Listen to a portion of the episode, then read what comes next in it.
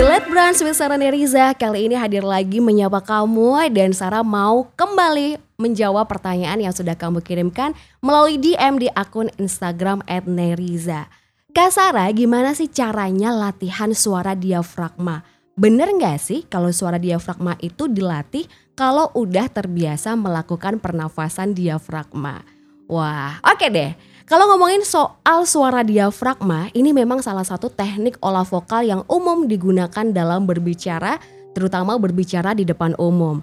Mekanisme kerja dari suara diafragma ini adalah ketika sekat diafragma antara rongga dada dan juga rongga perut itu ditekan ke bawah, kemudian kembali digerakkan ke atas agar menekan paru-paru. Nah, dari tekanan tersebut akan melahirkan tekanan udara yang akan menyentuh pita suara sampai kemudian muncullah suara.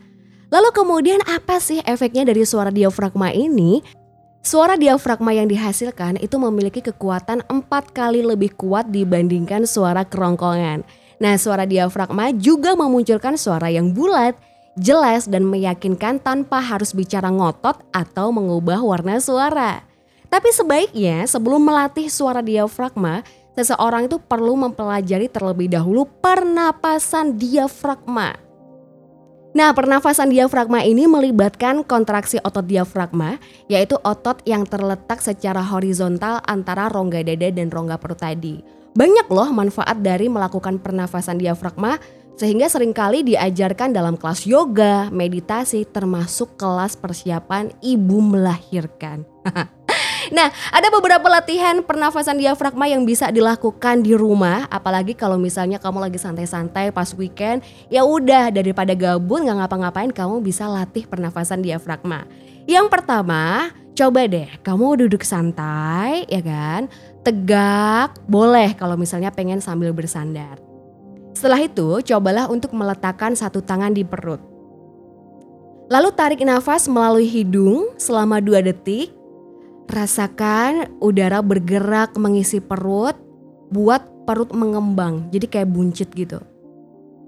Setelah itu, hembuskan nafas selama 2 detik melalui hidung hingga perut mengempis. Isi lagi dengan oksigen sampai perut membuncit. Hembuskan nafas hingga perut mengempis. Ulangi 10 kali. Nah, usahakan ketika membuat perut buncit, terus kemudian bikin perut mengempis, itu jaga bahu tetap lemas dan juga punggung tetap tegak. Karena kalau misalnya bahunya tuh masih naik turun ketika kamu bernafas ya kan, itu tandanya kita masih menggunakan pernafasan dada dan bukan pernafasan diafragma. Oke, kemudian kamu bisa kembali menarik lagi udara untuk masuk melalui rongga hidung selama 2 detik Rasakan kembali udara bergerak mengisi perut, pokoknya bikin perut kamu jadi mengembang dan juga buncit. Kemudian hembuskan lagi, hembuskan huh, gitu ya. Selama dua detik. Tapi bedanya kalau tadi kamu mengeluarkan udara itu menggunakan hidung, sekarang pakai mulut. Hembuskan nafas selama dua detik pakai mulut yang terbuka kecil hingga perut mengempis. Oke, okay, aku coba praktekin ya.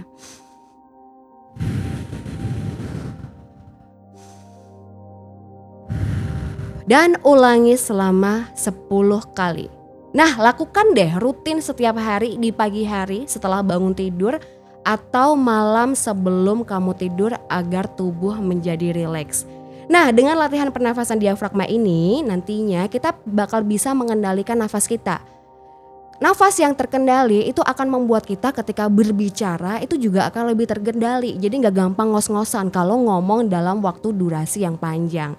Dan buat kamu juga yang pengen latihan suara diafragma, ketika otot diafragma ini kuat karena dilatih dengan pernafasan diafragma, nantinya bakal lebih mudah ketika melakukan suara diafragma. Seperti itu.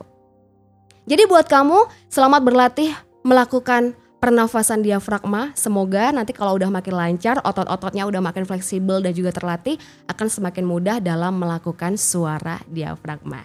Sampai ketemu ya di The Let Brunch with Sarah Diriza selanjutnya.